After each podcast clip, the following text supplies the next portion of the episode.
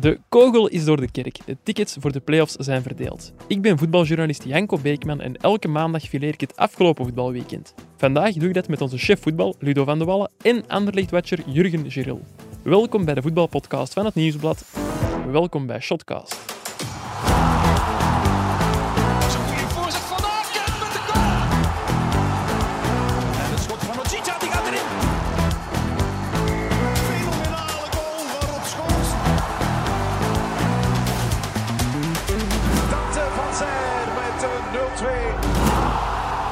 Dag Ludo, dag Jurgen. Ja, Janko. Dag Janko. Ludo, al bekomen van eh, de Antwerp 10 miles. Ja, eigenlijk beter dan ik had verwacht. eh Ja? al ik bedoel dan fysiek, hè.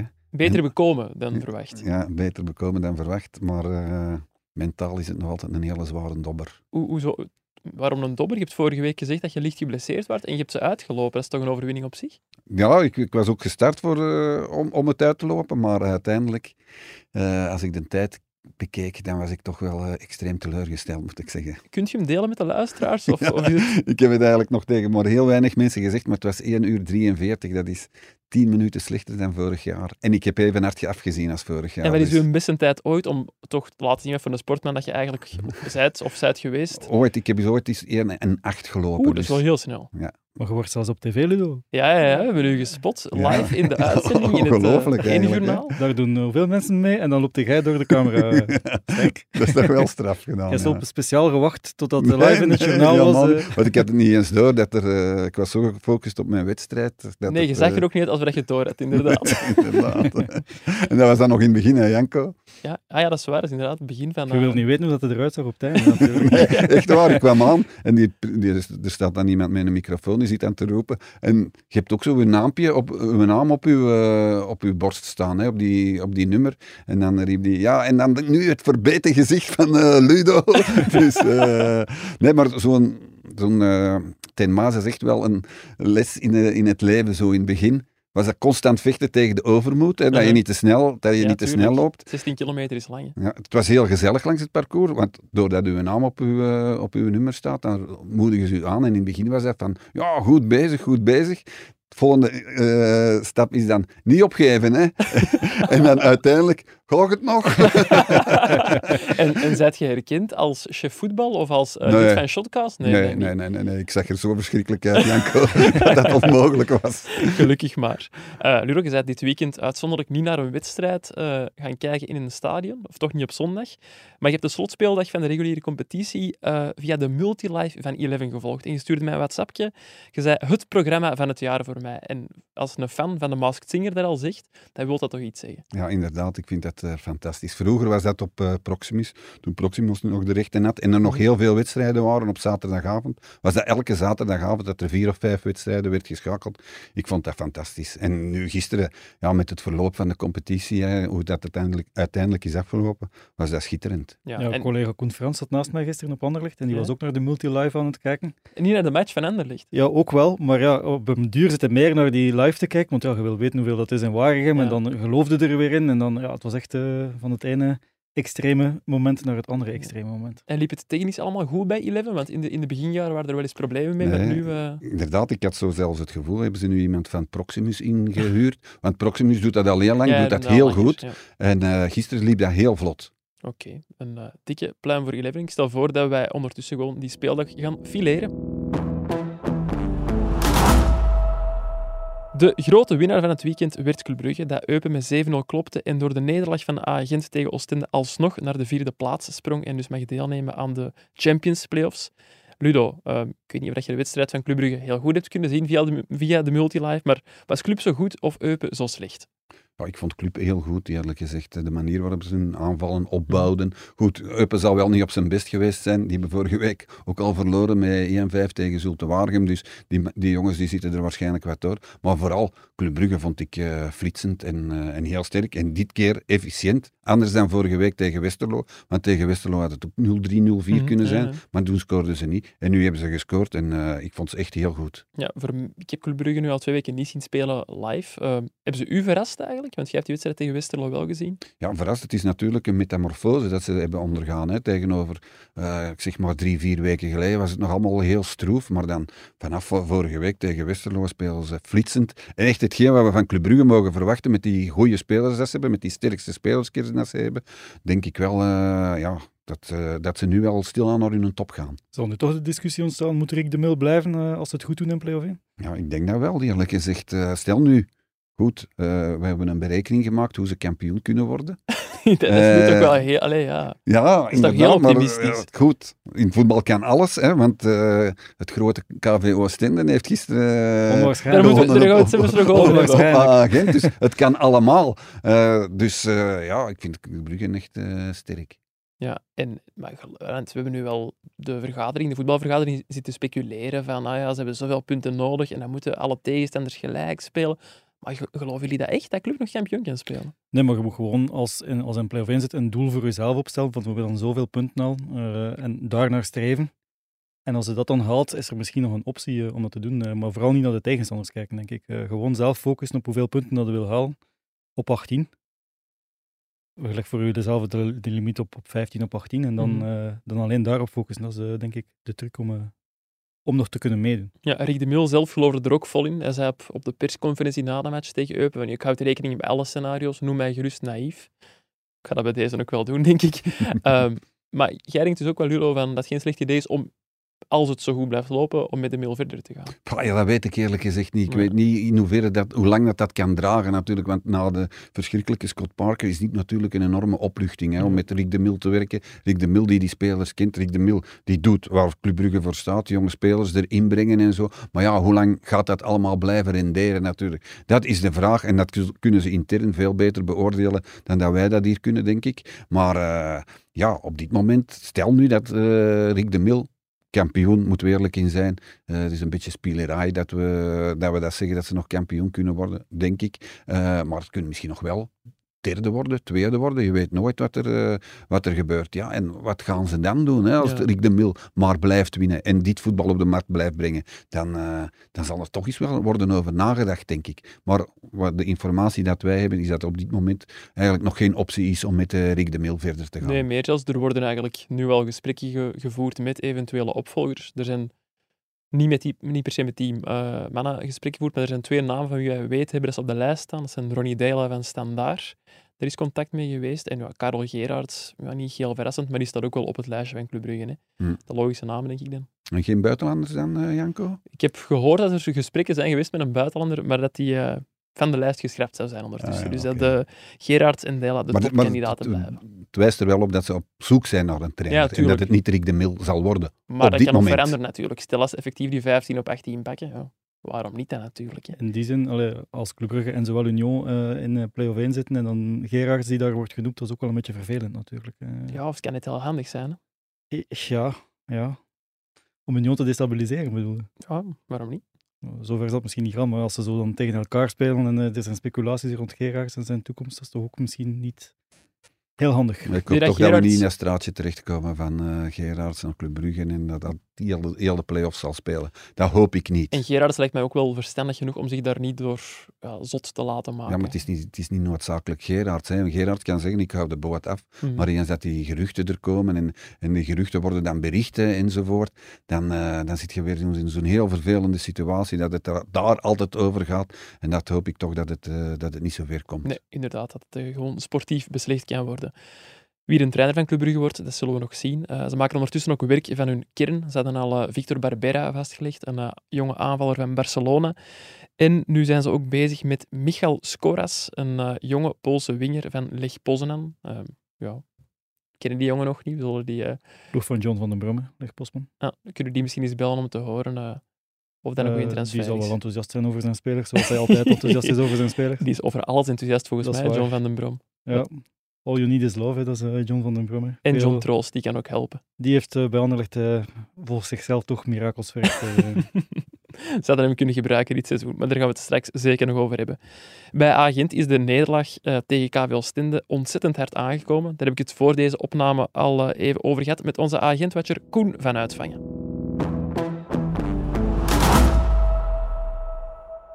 Dag Koen.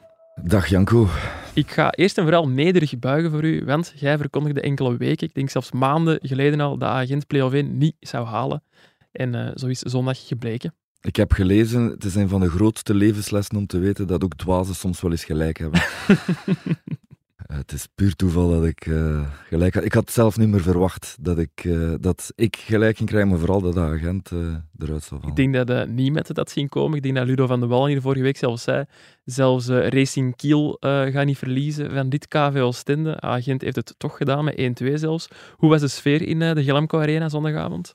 Ja, aangeslagen uiteraard. Hè. Ehm, in vier dagen tijd is agent van de hemel naar de hel gegaan. Hè. Kwartfinale Conference League eruit. Uh, de club zat in een heel positieve flow en dan gebeurt dit.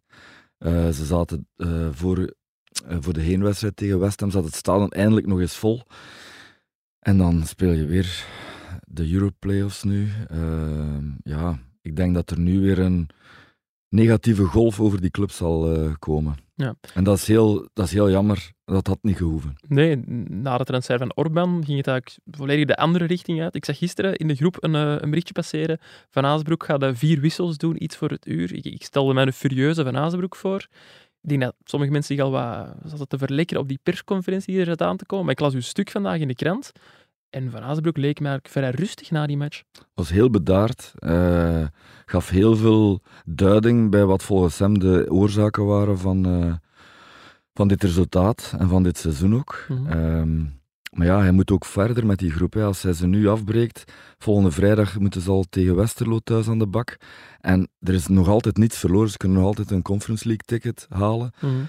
En dat, dat was met een vierde plaats niet anders geweest. Dus er nee. is niet heel, heel veel veranderd. Behalve dan dat ze tegen minder interessante tegenstanders gaan spelen. Dat het stadion niet zo vol zal zitten als tegen pakweg Genk of, uh, of Antwerpen. En uh, ja, ze hadden de grote rival natuurlijk uit play-off 1 kunnen, halen, kunnen houden. En uh, dat, moet, dat moet wel pijn doen, ja. ja. ja. Ziet jij een verklaring voor die nederlaag tegen Oostende? Het, de nervositeit waarmee ze na een kwartier begonnen te voetballen was du jamais vu. Het was onwaarschijnlijk, vooral achterin, hoe ze elke bal naar voren paniek was. Ik moet nu ook wel zeggen, KV Oostende was echt goed. Mocht het niet verboden zijn, je zou denken dat ze een aanmoedigingspremie hebben uh, gekregen, maar het was niet normaal. De, uh, zij speelden... Als je nu Eupen en Oostende vergelijkt, Eupen speelde nog voor iets en Oostende mm. niets. En het leek net omgekeerd ja. eigenlijk. Hè. Uh, Vrij ironisch. Ik denk wel als ze een goal hadden gepakt dat de, de kopjes ook wel naar beneden zouden gaan, maar dat gebeurde niet. En achterin bij Gent, uh, die verdediging, de, tegen Westen was het ook zo en nu weer. Uh, voorin ook, Kuipers had heel veel problemen met de bal. Orban speelde een beetje te veel voor zichzelf met momenten weer. Hè. Proberen van alle hoeken te schieten. En als dat dan niet lukt, dan is dat pijnlijk. Uh, nee, de hele ploeg ging een beetje onderdoor, behalve dan de oudste van de ploeg. Kums. Die, uh, hield, ja, die was echt goed. Die speelt uh, duidelijk voor een nieuw contract. Uh, maar nee, die, die doet heel goed al weken, al maanden. Maar achterin, nee. het, het leek alsof ze aan het begeven waren onder de stress. Wat ik vreemd vind tegen Octavio Stende voor eigen publiek. Inderdaad, dat is uh, vrij raar. Um, je noemt de naam van Sven Kums, iemand die wiens contract afloopt op het eind van dit seizoen. Gaat het feit dat Gent nu naast play-off 1 heeft gegrepen gevolgen hebben voor bepaalde jongens, zoals een Sven Kums bijvoorbeeld? Nee, ik denk het niet, want de strijd is nog niet gestreden. Ze hebben altijd gezegd, uh, er komt duidelijkheid na dat we zeker zijn van Europees. Dat had volgende week kunnen zijn. Uh, als uh, Antwerp de beker won en Gent was vierde schijnig, dan hadden, hadden ze daar al zekerheid over. Mm. Nu gaan ze gewoon moeten wachten tot uh, begin juni allicht, om daar zekerheid over te hebben. Hè. En dan... Dus in die zin, ja, ik denk niet dat ze nog zo lang zullen wachten om een sein te geven met wie ze gaan onderhandelen, maar uh, het financiële plaatje rondkrijgen, dat kunnen ze dan pas. Ja, ja. De, de, echte balans zal dan pas worden opgemaakt. Ja, en, en misschien dat het wel gevolgen heeft voor anderen als, het, als je het niet haalt, dat je toch wel gedwongen wordt om nog meer te gaan verkopen, hè, ja. omdat de, de, de balans in evenwicht moet blijven. Alleen vraag ik mij dan af uh, wie dat er nu reclame aan het maken is voor zichzelf. Hè, want er zijn toch een aantal spelers die meer willen, hoger op willen, maar die, uh, die tonen niet dat ze dat aan kunnen, alleszins. Nee. Eh, er is nog iets waarover ik het met u wil hebben, Koen. Jij bent ook een beetje onze Dante van Zijr Watcher, want je bent na zijn transfer mee naar de VS gereisd voor een verhaal voor eh, de krant en voor de website uiteraard. Van Zijr heeft dit weekend bij Sportweekend voor het eerst gesproken na de racisme-rel. Wat moeten we daarvan onthouden, van dat interview? Dat hij dus in die bewuste wedstrijd, uh, waarin hij beticht werd van racisme, het woord monkey heeft uitgesproken en dat dat eigenlijk de aanleiding was uh, niet het N-woord zoals werd gesuggereerd. Absoluut niet het N-woord, nee. Dat was eigenlijk van in het begin al duidelijk dat het niet was, maar toch, ja, de onduidelijkheid voedde allerlei speculaties hè, hmm. sindsdien. Ja. En gelooft je hem volledig? Want ja, hij kan dat wel zeggen nu natuurlijk. Gelooft je hem ook volledig? Ja, ik heb... Uh, er, er circuleerden beelden van, van, de, van het opstootje dat ontstond. En de beelden die hier circuleerden, dat was een kort fragment. En die waren anders dan wanneer je het een langer fragment zag. En daarin zie je heel duidelijk, uh, dus er krijgt een speler van, uh, van Red Bulls een gele kaart. Uh, van Zijr is heel opgewonden en is tegen de, tegen de scheidsrechter een beetje aan het klagen. En op een bepaald moment draait die scheidsrechter zijn rug. En Van Zijr was er nog naartoe gericht. Hij maakt een, een wegwerpgebaar met zijn hand en op dat moment zegt hij iets, mompelt hij iets, met zijn hoofd naar de grond gericht, zonder dat hij echt naar iemand doet, naar iemand gericht is. En daarop uh, draait uh, Ebobisse zijn mhm. rug en die zegt van, wat, wat heb jij gezegd? En daarop ontstaat eigenlijk het tumult. Dus ik geloof die versie. Uh, ik weet, ik had daar een discussie over met Ludo. Onze chef voetbal, die hier ook uh, ja, in de aflevering zit. Ja, en die eh, heeft na die beelden te zien ook zijn mening daarover bijgesteld. Die eigenlijk wel dacht dat hij iets had gezegd, maar toen hij dat zag, geloofde hij wel die versie. Ja. ja. Maar ja, als ik het goed begrijp, gaat het dus niet om racisme eigenlijk. Is het gewoon een, een domme uitspraak wel die een beetje ja, ongelukkig is gebleken voor hem? Een verkeerde woordkeuze, zeker in het Nederlands, zeker in het bijzijn van zwarte spelers. Maar dan vind ik het wel raar dat, dat het toch nog gestraft wordt. En hij krijgt wel zes wedstrijden schorsing, dat is ook niet niks. Ja, omdat ze dan blijkbaar toch eraan tillen dat hij zo'n woorden gebruikt. Ja. Maar de boete is heel laag. Hij heeft maar 10.000 eh, dollar moeten betalen. En, uh, Voor ons veel geld, maar in, die context een lage boete. In, het, in die context een heel lage boete. Ik, ik, heb het geschreven. Uh, vorig seizoen kreeg DC United 25.000 dollar boete, dus meer dan het dubbel. Omdat ze na het ontslag van Hernan Losada in een shortlist van kandidaten geen uh, trainer hadden van een, uh, wat zij minderheidsgroep noemen. En dat daar niet minstens één, was het nu een Afro-Amerikaan of Zuid-Amerikaanse kandidaat, dat weet ik nu niet meer, maar daar, zij vinden, divers, dat heet het diversiteitsprotocol. Dus daar tillen zij zo zwaar aan, geven zij 25.000 euro boete. Mocht uh, Van Zijr Monkey hebben gezegd, met de, met de bedoeling, of met een racistische inslag, dan zou hij meer dan 10.000 euro, 10.000 dollar boete hebben gekregen, sowieso. Ja. Die schorsing is eigenlijk een minimumstraf die hij bijna gekregen heeft. Ja, omdat er misschien ergens nog een gegronde twijfel van hem bestond. Alhoewel dat ik denk dat ze wel uh, grotendeels zijn gevolgd in zijn verhaal. De meeste mensen eigenlijk die het ondertussen van hemzelf hebben gehoord. Ja, ik wil ook wel zeggen dat Van Zijr misschien onterecht zeer zwaar is aangepakt de voorbije weken in de VS door zijn eigen supporters, maar ook in ons land, door, door onder meer onszelf, door de media. Moeten wij nu ja, onze excuses aanbieden, of hoe ziet je dat? Ja, ik denk toch dat veel mensen een beetje te hard van stapel zijn gelopen zonder de feiten te kennen. Er werd van in het begin het van uitgegaan dat, dat hij het gezegd had. En daar werden dan allerlei conclusies aan, aan uh, gekoppeld, terwijl hij eigenlijk gebonden zat aan een onderzoek.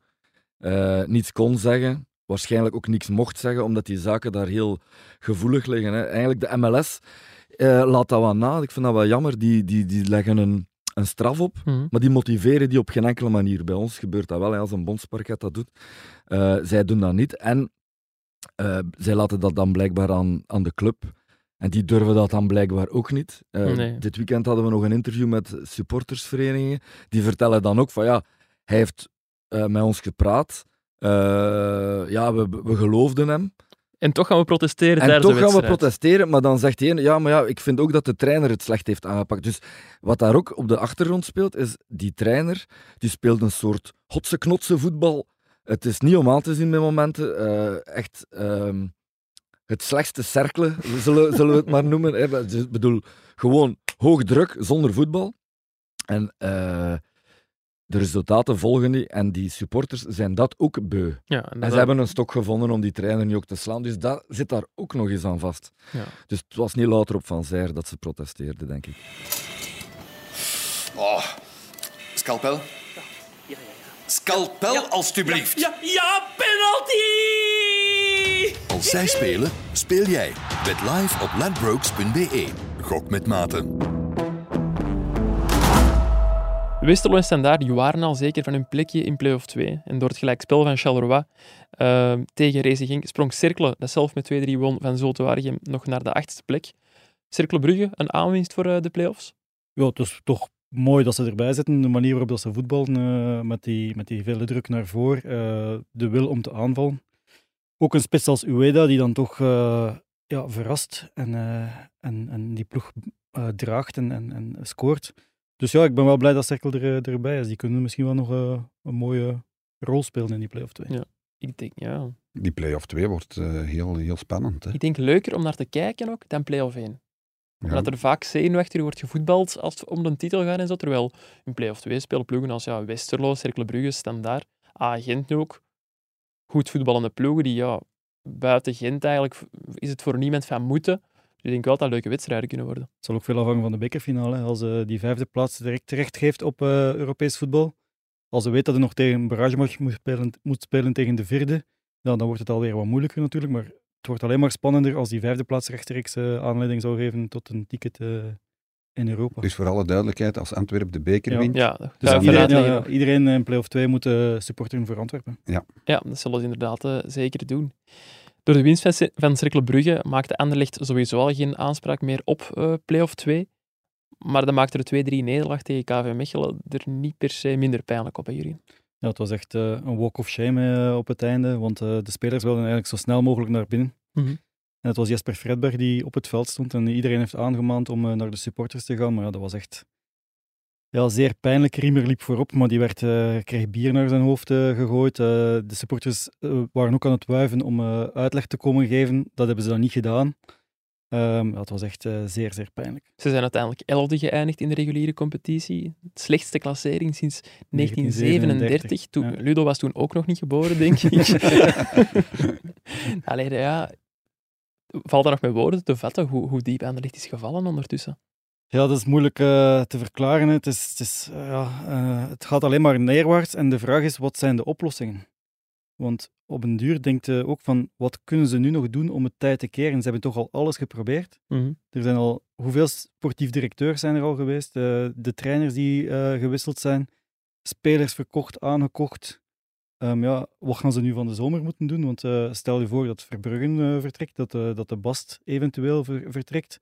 Ja, dan verliezen weer twee kwaliteitsvolle spelers. Wat, wat, schiet er dan nog, wat schiet er dan nog over? En hoe ga je dat dan in godsnaam keren? Ja, dat vraag ik mij inderdaad vooral af. Van, ik hoorde Brian Riemer na de wedstrijd zeggen van we gaan een grote kuis houden. Maar is dat niet het grote pro- probleem van Anderlecht? Dat je elke zomer opnieuw moet beginnen bouwen en van nul moet beginnen? Ja, het is, een, het is, een, het is onwaarschijnlijk wat er nu mee Anderlecht gebeurt. Hè. We hebben topclubs gehad in België. Allee, we hebben een topclub, Club Brugge. Heeft ook een heel moeilijke periode gehad. Hè. Lang? Elf jaar zonder titel. Maar die zijn nooit elfde geëindigd. Hè. Die zijn altijd wel in de top 6 Mm. geëindigd. Dus dat is echt eh, een drama. En ja, ik, ik treed eh, Jurgen zeker bij. Wat moeten ze eigenlijk nu nog doen? Ze, zijn, ze moeten ten einde raad zijn. Eh, Wouter van den Houten zegt dan wel altijd, ja, de toekomst oogt rooskleurig. Maar dat zegt hij al zo lang. En het komt er maar niet van. Dus het is echt wel de vraag van, ja, ze kunnen nu toch moeilijk terug Fredberg en Riemer opzij schuiven om weer eens opnieuw te beginnen. Maar ik hoor het Jesper Fredberg graag zeggen, hè, want Anders Dreyer is het prototype van de voetballer dat Anderlecht wil halen. Zegt hij, want denk Zegt je dus de fans daar ook zo over? Ja, want met elf draaiers gaan we het niet redden. Hè. Gaat Dat het is- niet draaien, nee. Nee, nee. Janko, dat is mijn, eh dat is mijn eh kotte, hè, de dat je een beetje in de put zat vandaag na de, nee, na de Nee, maar met elf draaiers zal het ook niet lukken, want die jongen heeft belangrijke goals gemaakt en die werkt hard en die loopt hard, maar dat is echt een, een werkende voetballer. Mhm. Ja, je hebt veel meer nodig. Je gaat toch twee targetspits moeten halen. Slimani kan misschien blijven, dat is, dat is al één, eh, maar dan moeten we er toch nog één hebben. Je hebt een creatieve middenvelder nodig, want ja, Verscharen is nog oud tot 2024. Je hebt echt iemand nodig met ideeën. Refailov? Uh... Refailov, ja, maar de, de laatste weken is toch ook gebleken dat Refailov uh, op, op belangrijke momenten het ook moeilijk heeft, ook op de manier waarop hij moet spelen. Want ja, Mhm. hij moet Van Riemer heel veel mee verdedigen, die linkerflank afdekken. Dat lukt dan niet. Uh, Amuzu die dan ook niet altijd mee verdedigt. Uh, Nee. Dus ja, tegen AZ bleek, heel, bleek die flank heel kwetsbaar. Tegen Genk trouwens ook. Dus ja, Refailov is een vraagteken, maar dat is ook niet de man die je ploeg nog bij de hand zal nemen. Die kan belangrijk zijn op bepaalde momenten, maar niet voortdurend. Ja. Dus je hebt echt een creatieve middenvelder nodig. En dan ja, als ze Verbruggen en de Bast zou verkopen, dan heb je daar ook versterking nodig. De, de Bucks, Murillo... Die, Ik hoor toch opnieuw van- vanaf nul beginnen. Allee, ja, je- Murillo die ups en downs heeft. Oké, die heeft dan geniale momenten, maar ook dramatisch slechte momenten. Eh in DI hebben we allemaal gezien, die jongen kan wel iets, maar in grote matchen of tegen moeilijke tegenstanders als Pijnsil heeft hij toch ook heel veel problemen. Dus ja, het is echt, eh, ja, het is echt vanaf nul beginnen. Ja. ja. Wat extra pijnlijk maakte gisteren, ja, waren de beelden na de wedstrijd. Een deel van haar de kern probeerde ja, met bivakmutsen op de, de VIP-zone van Antlicht binnen te dringen. Heb je daar iets aan meegekregen zelf ook? Ik kwam net beneden eh, richting de pershal toen eh, de invasie een beetje begon. Ehm, het was vooral buiten het stadion dat ik gezien heb, want toen stond ze al aan de poort. Het Wouter buiten te roepen en op een bepaald moment... was ging er over Wouter wel- van den Auto, voor de duidelijkheid. Ja. Eh, op een bepaald moment was er echt wel de dreiging dat ze weer binnen gingen komen, want ze hadden een dranghekken gepakt en dat als eh, soort van ladder tegen de muur eh, gezet, om er dan over te klimmen. Maar gelukkig, de politie was er wel op voorzien dat er onlust, misschien gewaarschuwd door Frank, Frankie van der Elst Ja, en. René van der Rijken, maar die waren er op voorzien dat, eh, dat er onlusten gingen zijn en eh, ja, die zijn massaal eh, uitgerukt en die hebben ze kunnen tegenhouden. En de stewards ook heel goed werk geleverd, want dat was op een bepaald moment was echt de bedoeling dat ze via de... De mixed zone de eigenlijk, mixed zone, zo ja. staan. Hè? Dus de spelers komen vanuit de kleedkamer door een gang Mhm. richting de mixed Mhm. En daar staat meestal stewards, maar dat is meestal op Anderlecht, de mixed zone, dat is echt onder de tribune. Ja. Dus ze doen de poort open en een beetje tot hun eigen verbazing, denk ik, die stewards, stond dat daar vol met eh, mannen van de, zwar, eh, van de har- harde kern. En die worden echt door, de, eh, door die tunnel richting, richting de VIP-zone en richting de kleedkamers. En dan hebben de stewards toch met man en macht geprobeerd om, om hen tegen te houden en dat is ook gelukt. En dat is wel goed aan de stewards, want die hebben wel een bepaalde respect van, van, van de supporters Ja. Die kennen ook meestal eh, elkaar wel, wie, wie dat wie zijn. En daardoor is het misschien wel nog gelukt om hen, hen tegen te houden. Eh had dat politie geweest, ging dat misschien nog zelfs veel hardere confront- confrontatie Er geweest. zijn blijkbaar wel mensen moeten vluchten ook uit de VIP-zone. En dat is zo, allee, ja, een ja, er beetje zijn er 30 geëvacueerd. Hè. Eh, Maar dat was dan via de tribune, denk ik. hm. Ehm, en uiteindelijk, ja, die wouden verhaal gaan al bij, bij Mark Koeken en, en Wouter van den Houten. Die hebben ze blijkbaar niet gezien. Maar, eh, ja, op een bepaald Gelukkig moment- maar misschien. Ja, gelukkig maar. Eh, op een bepaald moment waren er wel een aantal binnen, denk ik. Nee, ja, frustratie is begrijpelijk, maar Ja. dat mag nooit zo ver gaan. Als. Anderlecht nu had gewonnen, hè, wat we allemaal hadden verwacht, dan was dat misschien niet zo ver gekomen, eh, Jurgen. Ja, ehm, het was vooral. Ik denk dat de supporters het slechte seizoen hadden kunnen pardoneren als ze die halve finale van de Conference League hadden gehaald. Dan hadden ze kunnen zeggen van oké, eh, de competitie, laat het zijn, het is verloren. Wat, wat gaan we gaan, in godsnaam gaan doen in play-off 2?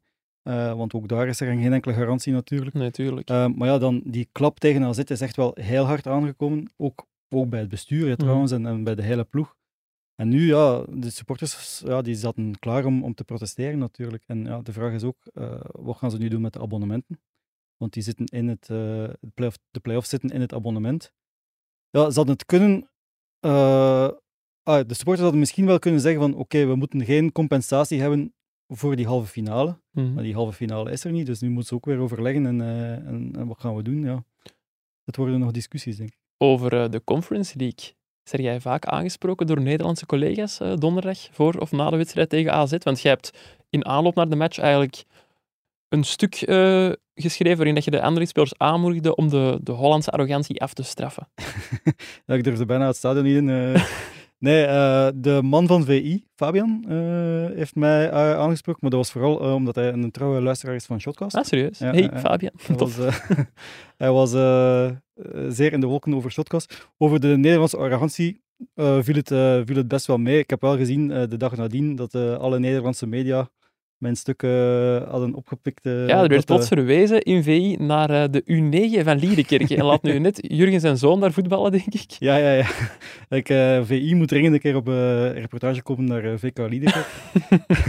nee, ik had geschreven dat ehm, eh, de U9 van VK Liedekerk, als die de zaterdagochtend spelen, dat die soms ook niet wakker zijn. Mhm. En dat die dan ook overlopen worden door de tegenstander. En dat, dat, dat leek een beetje op Anderlecht in de eerste twaalf minuten tegen, eh, tegen AZ. En eh, de Nederlandse media vonden dat, we, vonden dat wel leuk. En het komt er wel op neer, vooral op neer dat ik uiteindelijk had geschreven. De arrogante Nederlandse journalisten hadden gelijk. Dat vonden ze dan helemaal leuk. Ja, dat zullen ze Dus inderdaad wel is graag het, eh, massaal overgepakt. Dus ik vooral, Jurgen, dat wat die supporters zo frustreert, de manier waarop ze op, eh, tegen AZ hebben gespeeld, dat ze een wedstrijd tegen KV Mechelen spelen, KV Mechelen die al zes weken niet meer hebben gewonnen, dat ze die verliezen. Ja, Dat- ja. dat- ik denk dat ze nog hadden kunnen leven van goed, we grijpen ernaast. Hè? Want ze- Mm. zelfs hadden ze, als ze hadden gewonnen, hadden ze ernaast gegrepen, maar dan hadden ze tenminste nog gewonnen. Nu verliezen ze gewoon tegen, tegen KV Mechelen in een match waar dat het om te doen Het is. onbegrijpelijk dat hij ook tegen AZ ook, maar tegen Mechelen bijvoorbeeld, dat eerste half uur kwam Mechelen er niet aan te pas. En opeens staan die dan toch 1-2 voor. Door, ja, het had zelfs 1-3 kunnen zijn, want de goal die werd afgekeurd was ook een heel licht duwtje. Dus dat Ja, was extra pijnlijk, eh, pijnlijk geweest. Maar het was onbegrijpelijk dat hij opeens, en op, eh, opeens eh, 1-2 voor stond. En op AZ eigenlijk hetzelfde verhaal. Zo'n belangrijke match, dat je op die manier aan die match begint. En, en ja, je zo laten rollen. Ja, het plan van AZ klopte wel. Hè. Die zetten druk op Washimeru en Mhm. zo, eh, waardoor dat Anderlecht er echt niet uitraakte. Maar ja, en dat je dan ook het tij niet meer kunt keren. Want dat is een beetje het verwijt dat bij Riemer stilaan begint te komen. Ja, hij heeft een matchplan. Maar in de- meestal in de match verandert hij niet meer. Ook als, het, eh, ook als het niet goed gaat. Dat ligt voor een deel natuurlijk aan zijn bank, die kwalitatief, als hem eh, niet goed genoeg is, als hij Angulo moet inbrengen. Ja, eh, als hij diepe spits moet gaan spelen ook. ja, dan, dan weet je dat je een probleem hebt natuurlijk. Ehm, natuurlijk had ook Raman wel wat aan opzij geschoven, dus dat is ook een discussie waard. Ja. Maar ja, er komt wel eh, wat, wat kritiek op Riemer ook. Ja. Ja. Een beetje, beetje nuance toch, want ik, allee, het is nu al lang geleden en er is al zoveel gebeurd bij Anderlecht, maar die penalty van Murillo, dat vond ik nu ook niet echt een penalty. Hè? Ja, de, ja, en, En misschien als die penalty er niet komt, wat gebeurt er dan? Allee, bedoel, het betekent nog niet dat je het zo moet laten Nee, ze gaan waren wel natuurlijk. slecht gewoon. Ja, ja, ze waren wel heel slecht. En als je het dan over creatieve middenvelders hebben, hebt, eh Jurgen, ik zou ook een middenvelder pakken die een beetje balvast is. Niet alleen die de openingen zoekt, maar ook een die een bal kan bijhouden. Als ze dat al hadden gehad eh, in Alkmaar, dan had het ook al veel beter geweest, Ja, denk want. Diawara wist niet wat hij deed met Nee, de bal. hè. dat Dat was echt dat eh, dat Pijnlijk vreselijk. om aan te zien. Eh, hij is, Diawara is wel een beetje gegroeid in het seizoen. En als hij niet te veel onder druk wordt gezet, dan, dan lukt het wel. Maar AZ zette die zo onder druk dat hij op geen honderd jaar wist wat, hij- wat hij met de bal moest Ja. doen. Dus dat was echt wel... Ja. Wat gaat de Anderlecht nu de komende weken doen? Want ja, wedstrijden staan daar niet meer op het programma. Nee, ja, ze moeten dat eh, eens bekijken. Eh, vandaag was het eh, congé. eh, om even te bekomen. Ze zouden nog 14 dagen. Ja, ze zouden nog 14 dagen doortrainen. voor niks. Eh, voor niks. Maar ja, toch om een beetje Fit ja, te blijven. fit en- te blijven. En ja, je hebt ook een aantal internationals natuurlijk. Die ehm, ja, in juni eh, een eh, belangrijke wedstrijden hebben. Je hebt Vertongen met de Rode Duivels. Je hebt Verbruggen Verbrugge. die zijn carrière bij Oranje wil lanceren. Die kan de Final Four van de Nations League gaan spelen. Ja, ja, dus stel je voor dat hij twee, twee maand geen echte match heeft en, en, dan ook nog twee maand geen training. Ja, dat is een beetje pijnlijk ook. Ja. Want hoe, hoe, hoe gaat Vertongen voor de dag komen zonder, zonder ritme? Jazeker. En ook op, op die leeftijd mogen we ook wel. Hij wordt vandaag leeftijd 36. Zo lang Ja. stil liggen is niet evident. Hè? Dus ja, dat bekijken ze om, eh, om nog 14 dagen zeker voor te trainen. En dan denk ik dat daarna misschien wel een optie zal zijn dat wie wil en nog toekomst heeft bij de club, Mhm. ook wel nog zal kunnen trainen. Om toch om een bepaald ritme te behouden. Ja. En eh, ze zullen in juni ook wel, denk ik, vroeg herbeginnen. Om, eh, ja, Dat kan dan in het voordeel zijn van Verbrugge en voor te bereiden. Eh, Maar dan nog, je speelt geen wedstrijden op, op competitie nu. Ja, en de zwaarste voorbereiding ooit, had eh, Riemer gezegd. Ja, dat zijn zo van die kreten. Waar slaagt dat nu op? Wat, wat ben je daar nu mee? Met te zeggen van ja, we gaan de zwaarste voorbereiding ooit. Dat is toch ook allemaal om de, om de supporters Ja, te plezieren. sussen, en, ja. Ja, en, je te, zeggen zeggen, van eh, ik eh, ben streng. Ja, het slaagt toch nergens op. eh, nee, hij moet iets zeggen Je moet gewoon een goede voorbereiding hebben. Of dat die nu zwaar is of, of, Ja. of minder zwaar, maakt niet uit. Je moet gewoon zorgen dat je een goede voorbereiding hebt. Dat moet nog niet de Dat zwaarste was het ooit zijn. ironische. Ik, ik herinner mij ehm, interviews van afgelopen zomer, waarin alle spelers zeiden bij Mazou, oh, dat was de zwaarste voorbereiding ooit dat we gehad hebben. En dan uh, vijf maanden later hadden ze fysieke problemen en was uh, de conditie totaal uh, niet ja. in orde bij, bij de overname van Riemer. Dus ja, dat is ook allemaal relatief natuurlijk. Inderdaad. Ik vond Mark Brijs ook wel goed. Die kreeg ook de vraag wat dat OHL de komende weken nog ging doen. En hij zei van, ja, we gaan nog twee weken trainen, maar de spelers denken zes weken. Laat ze nog maar even in de waan. ja, die zullen de kant ook wel lezen, zeker, de, de Nederlandstalige spelers. Um, ja, de Anderlicht niet in play-off 2 is geraakt, betekent ook dat onze Anderlicht-watcher Jurgen dus, uh, een paar maanden technisch werkloos is. Ja, vreselijk. Hè? Ja, Ludo, je hebt vorige week gezegd dat je nog wel iets voor Jurgen in petto had. Kunt je nu wel vertellen wat? Ja, Jurgen zal dus uh, de supersub worden van de voetbalredactie. Niet de nee. man van de voetbalredactie. Nee, maar Jurgen, allee, en ik denk ook dat hij dat uh, wel, wel plezant zal vinden, dat hij naar hier en Ginder zal gestuurd worden, dat hij nog eens, zoals hij vroeger, uh, zoals hij is begonnen trouwens, goede reportages kan maken, toffe interviews, die een beetje buiten de waan van de dag liggen. Ja. En we zullen Jurgen zeker nog heel goed kunnen gebruiken. En heel goede reportages van hem lezen, daar ben ik van overtuigd. Met te beginnen met Anderlicht, de volgende dagen waar we toch eens gaan proberen achter te komen waar het nu precies is misgelopen. 2017, eerste en kampioen. 2023, 11e en niks meer in handen. Weiler, ik ben er nooit een fan van geweest van uh, René Weiler. Zeker niet de manier waarop hij voetbalde. Maar hij heeft het ooit gezegd. Hè. Ze denken dat ze hier nog een topclub zijn. En misschien heeft hij toen wel al gevoeld van dat gaat hier achteruit. En met voorbeelden daarvan zal Jurgen uh, zijn reportage stofferen. En dan denk ik dat we Jurgen heel goed uitspelen. En we gaan nog van Jurgen horen, maak je geen zorgen, Janko. we gaan er nog van horen. Het voelt toch een beetje aan. Hè. Ik heb gisteren gedacht, als uh, alle collega's die uh, met een bus op een geweldig mooie reis vertrekken en ik degene ben die op de stoep zat te zwaaien uh, en iedereen ziet vertrekken. Dus, Shotcast zal u avontuur ook wel oppikken, ook Jurgen. Het is toch een beetje pijnlijk. Interview René Weiler voel, voel, ik nu ook plots opborrelen op zo op een Ja, maar René Weiler is niet altijd de meest enthousiaste om interviews te geven. ah, oké. Okay. Dus dat ligt niet zo evident, maar we kunnen proberen. Oké, okay, dat is goed. Over Cercle Brugge hebben we het daar juist al gehad, maar ook over de ploeg die de vereniging klopte, moeten we het nog even hebben. Zoltwaargem zakte door de 2-3 nederlaag tegen Cercle naar 1B. En ik heb er juist al even samengezeten met iemand die de club van binnen en van buiten kent. Dag Pieter Jan. Dag Janko. Jij bent uh, onze Antwerp-watcher, maar je hebt daarnaast ook een link met Zulte Waregem. Leg eens uit. Wel, toen ik uh, intussen tien jaar geleden begon als uh, voetbaljournalist, was dat een beetje in een vrije rol. En op een bepaald moment heb ik dan Zulte Waregem toebedeeld gekregen als te volgen club, nadat ik eerder Moes Groen had gevolgd. Dus uh, ik ken die club uh, best goed, ja. Hoe, hoe lang heb je, heb je ze gevolgd dan?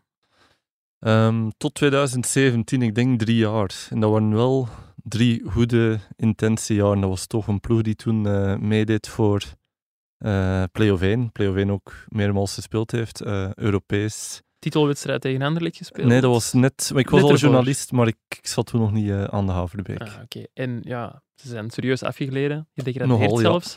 Ja. Uh, komt dat bij u nu extra hard aan dan?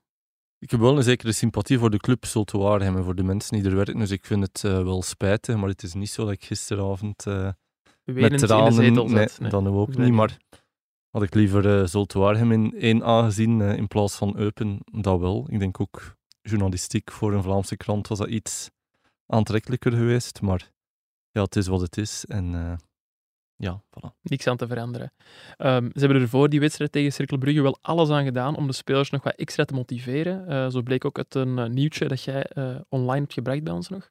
Ja, het was eigenlijk wel al in januari afgesproken. Ah, oké. Okay. Maar je hebt nu, ja, sommige dingen kun je pas later naar ja, buiten brengen. Dus in januari hebben ze de spelers in, een premie van 500.000 euro beloofd. Te verdelen onder stafleden en spelers. Ik zou net zeggen, per speler zou wel heel veel zijn. Hè. Uh, ook met een verdeelsleutel, dus wie meer bijgedragen had, kreeg iets meer. Maar goed, in de veronderstelling dat er 40 mensen zouden hebben actief geholpen aan de redding, kom je toch al snel uit aan meer dan 10.000 euro per speler of staflid. Dus dat is toch wel een aardig sommetje dat wij hier niet als uh, eindjaarsbonus krijgen. Nee, dat is bij mij nog niet gebeurd. Nee. dat klopt. Dus ja, dat is wel uh, een motivatie blijkt nu. Ik denk wel, de spelers die ik nog ken, uh, die wilden ook gewoon puur sportief mm. die degradatie niet op hun palmarès staan. Dus ook als er 0 euro beloofd was, aan die echt wel gisteren door de muur gelopen. Maar ook gebleken is, hebben er alles aan gedaan. Maar uh, mocht niet zijn. Hè. Ja, het is ook niet alleen tegen, tegen Cercle Brugge gebeurd. Het is uh, ja, al langer geleden begonnen eigenlijk. Ziet jij een verklaring voor de degradatie van uh, uw ex-club? Ja, in, in eerste instantie hebben ze beperkte financiële middelen. er was bijvoorbeeld nog een ontslagvergoeding die Durie jaarlijks kreeg. ze hebben minder tv-helden gekregen omdat ze vorig jaar pas 16e zijn geëindigd, denk ik. Dus ze, moesten, ze hebben ook heel veel geïnvesteerd in de, in de stadions, uh, in het stadion recent, en uh, het mhm. oefencomplex. Dus financieel is dat zeker niet de sterkste club. Ik denk dat ze werkingsbudget dan van 11 miljoen euro. Dat is niet gigantisch veel. Nee, ik denk dat enkel Serijn minder had. Mhm. Dus uh, dat verklaart wel iets. In de zomer hebben ze dan ook vooral inzet op jong talent. Daar zat af en toe een keer een goede speler bij. Fadera bijvoorbeeld, ja, om maar iemand te noemen. Tambedu mm kon ook wel iets. Maar er zat ook wel wat minder kwaliteit bij. Dus ik denk dat ze het seizoen echt wel zijn aangevat met te weinig kwaliteit. Mm Daarbovenop hebben ze dan nog uh, een beetje pech gehad met blessures op uh, belangrijke momenten. Uh, Vossen heeft die vleesetende bacterie gehad, mm bijvoorbeeld. Ruud Vormer die uitviel. Ruud Vormer die uitviel, ja, want ze dan in januari wel gecorrigeerd met Vormer en Bruls. Maar bijvoorbeeld Vormer is dan ook op de sukkel geweest. Tambedo is zeer lang oud geweest. Willen is zeer lang oud geweest. En ze hadden al geen kwaliteit op overschot. Ja. Zo zijn ze dan in dat uh, sukkelstraatje beland en zijn er ook niet meer uitgeraakt. Ja. Je zegt van ze hebben meer geïnvesteerd in jong talent. Dat is iets wat bijvoorbeeld Frankie Dury niet deed ervoor. Dat was wel iemand die altijd voor oude bekenden ging, mensen die, die de competitie kenden. Ja, Frankie Dury uh, spreekt dat zelf een beetje tegen, want hij zegt van kijk, ik heb toch de Malanda gehaald, ik heb uh, Torgan Hazard mhm, gehaald, wat ook helemaal een terechte opmerking is. Maar ze zijn op een bepaald moment op een punt gekomen dat ze op een piek zaten in hun uh, als club zijn, dat ze ieder jaar top 6 speelden, droomden van... Echt een subtopper waren geworden, ja. En op een bepaald moment hebben ze dan moeten die stap zetten van oké, we gaan iets meer beginnen betalen voor spelers. Betaal je voor spelers die iets meer kilometers op de teller hebben, die mhm. iets duurder zijn. Dat waren dan ook niet altijd voltreffers, dan moet je daar weer van afgeraken. Ja, het was een heel moeilijk evenwicht uh, in de aanhaken bij de top ze hebben dat geprobeerd, maar mhm. dat is gewoon ook met die bouw van het stadion. De, dat geld ging dan geld daar naartoe natuurlijk bijvoorbeeld. Dus uh, ja, dat was eigenlijk een, een, moeilijke oefening. En ja, dat begon dan ook wel voor strubbeling te zorgen intern. Mm Maakte het er ook niet makkelijker op. Uh, zijn dan een beetje op de sukkel geraakt. Met dan dit jaar als, uh, maar goed, vorig jaar was het ook al zeer slecht. Ja. volgend jaar zou het ook een zeer moeilijk jaar geweest zijn, onvermijdelijk. Dus uh, ik denk dat ze zich nu een beetje moeten uh, herbronnen en uh, proberen een doorstart te maken in tweede klasse. Ja, je zegt een doorstart in tweede klasse. Gelooft je daarin bij, bij Zotewarium? het is natuurlijk, het competitieformat verandert weer. Mm dus er zijn eigenlijk twee rechtstreekse stijgers volgend jaar en, de, en een derde ploeg die via barrages kan promoveren. Dus er is wel perspectief om te stijgen. Ja, er zijn ook maar twaalf ploegen die in aanmerking komen. Hè, want mhm. er zijn vier belofte teams. Ja, die kunnen niet stijgen. Die kunnen niet stijgen. Dus het komt eigenlijk op neer dat drie van de twaalf ploegen kunnen promoveren. Ja. Um, en het is wel de ambitie van Zoltoir om dat te doen. Ze hebben ook de ambitie om een stevige kern uit te bouwen. Natuurlijk, Vormer, wat zal hij doen? Die heeft al aangegeven van uh, tweede klasse, ik zie het niet meteen zitten. Vossen, zijn contract loopt af. Er is ook wel wat interesse voor jongens als Verderen en zo. Ik ga er ook vanuit dat hij vertrekt. Uh, wat ze ons doen met de trainerstaf, is ook een vraagteken. Dus ik denk wel dat de ambitie er zeker is, maar ik heb vanochtend wat telefoontjes gedaan en daar zaten ze nu toch een beetje in zak en as. Ik denk tegen het einde van de week dat ze misschien voor zichzelf die oefeningzone gemaakt hebben, maar de ambitie is absoluut. Tony Beusvaart heeft zich ook geëngageerd daarvoor, de sterke man. Dus uh, om meteen te promoveren. Ja, want je, je spreekt nu over Tony Beussaert. Er zijn ook een paar buitenlandse investeerders wel naar Zotwarium komen kijken. Ja, Foley, die sterke man van uh, Bournemouth, mhm. is uh, op bezoek geweest. Maar finaal hebben ze er dan toch voor gekozen om verder te gaan met lokaal engagement, lokaal kapitaal. Uh, met de juiste nodige consequenties, want dat kapitaal is zeker niet het kapitaal dat bepaalde buitenlanders hebben. Nee. Uh, maar goed, langs de andere kant, en daar volg ik hen wel in, niet elke buitenlandse overname is ook een succes gebleken. Kijk naar Oostende, mm kijk naar KV Kortrijk, waar ze met moeite het telefoonnummer van uh, Vincent Tannen, bij wijze van spreken. Dus ook Eupen zit nu in de miserie. Um, dus ja, het is, uh, het is ook geen garantie hè, dat buitenlands geld. Ik denk dat er nu wel mensen zijn bij Zultuarium die zich echt engageren hmm. voor de toekomst. Zo, Ludo, Jurgen, dan zijn wij al bij onze afsluiter. Wat gaan jullie deze week nog allemaal doen, buiten die geweldige reportage over Anderlecht maken? Ja, dat is een goede vraag, Janko. Heb je geen klusjes meer thuis of zo? ja, zo alles, alles ligt er nog uh, bij, zoals twee weken geleden eigenlijk. Dus ja, daar, kan er, daar kan ik wel nog iets uh, forceren uh, thuis. Wat, wat zal geapprecieerd worden ook thuis. Ja. Maar uh, ja, we zullen zien dit weekend, uh, Ludo. Uh, ik heb hem al een bericht gestuurd van ik wil eender welke match doen, maar ik krijg alleen maar een knipoog terug. Dus. ja, ik spreek nooit voor mijn beurt. Nee, en, en, morgen is er een heel interessante persconferentie van de minister van Binnenlandse Zaken, Annelies Verlinde, ja. over het geweldige idee om pyrotechnisch materiaal toe te laten in de stadions. Ik ruik ironie. waardoor ze alles onder controle gaan krijgen. Daar moeten we niet aan twijfelen. Hè. Die sporters die lopen altijd heel keurig in het, uh, in het rijtje, zeker die hooligans. Dus dat zal Annelies Verlinde en, uh, en de Pro League ook wel klaar krijgen. En woensdag, ook interessant, een persconferentie over de scheidsrechters. De manier waarop ze de play-offs gaan uh, aanpakken. Ja, misschien voor Jurgen niet zo interessant. maar uh, nee, dat, dat, wil ik ook wel eens weten. En dan zullen we hopelijk ook eens uh, antwoorden krijgen op het uh, vermalendijde handspel en de manier waarop dat, dat moet of moet bestraft worden. Ja, en je vergeet nog bijna het hoogtepunt van deze week. En het hoogtepunt van deze week wordt ongetwijfeld uh, de finale van de Masked Singer. is er ook deze week? ja, dat is uh, vrijdag. Maar ik ga alweer niet kunnen kijken, want vrijdag is mijn verjaardag en dan hebben we nog een klein feestje thuis. Oh. Dus ik ga niet kunnen kijken. Ik heb vorige vrijdag ook niet gekeken, Janko, want dan had ik uh, dat is een, toneel, een toneelvoorstelling van, van een kameraad van mij. Dus het gaat niet goed met de Masked Singer en mijn adoratie daarvoor. En dan zondag is ah, natuurlijk... Ja, ik kan net zeggen, ik doelde op uh, de bekerfinale. Eindelijk de bekerfinale, Antwerpen-KV Mechelen. Ook een heel interessante wedstrijd. Wij hebben hier uh, wat Antwerpen en KV Mechelen fans en dat wat, uh, die zijn al enorm zenuwachtig, moet ik zeggen. Ook die van een Antwerp zelfs, wat toch heel ongewoon is voor een Antwerpenaar, dat die uh, op een of andere manier zenuwachtigheid of angst toont. Dus ja, dat wordt ook een heel interessante wedstrijd. Ja, ik ga uh, ook mee naar de, naar de bekerfinale en ik heb vrijdag ook iets om naar uit te kijken. Niet de Masked Singer, wel een uh, optreden van Mama's Jasje. Voilà. Die komen uh, optreden op de Nekanacht in Antwerpen en ik heb, ik heb tickets. ik zie...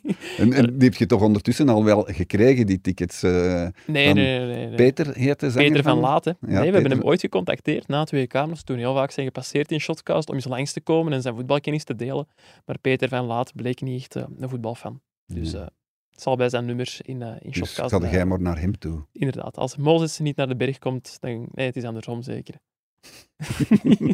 ik zie ook al bij Goed, dan uh, denk ik dat we rond zijn voor vandaag. De mensen zijn weer helemaal mee. Merci Ludo, merci Jurgen. Merci ook aan cameraman Seba. Uh, ja, stagiair Thibaut kan ik niet meer bedanken, want die is hier helaas niet meer. Bedankt aan de mensen om te luisteren. Geniet nog na van het afgelopen weekend en tot maandag.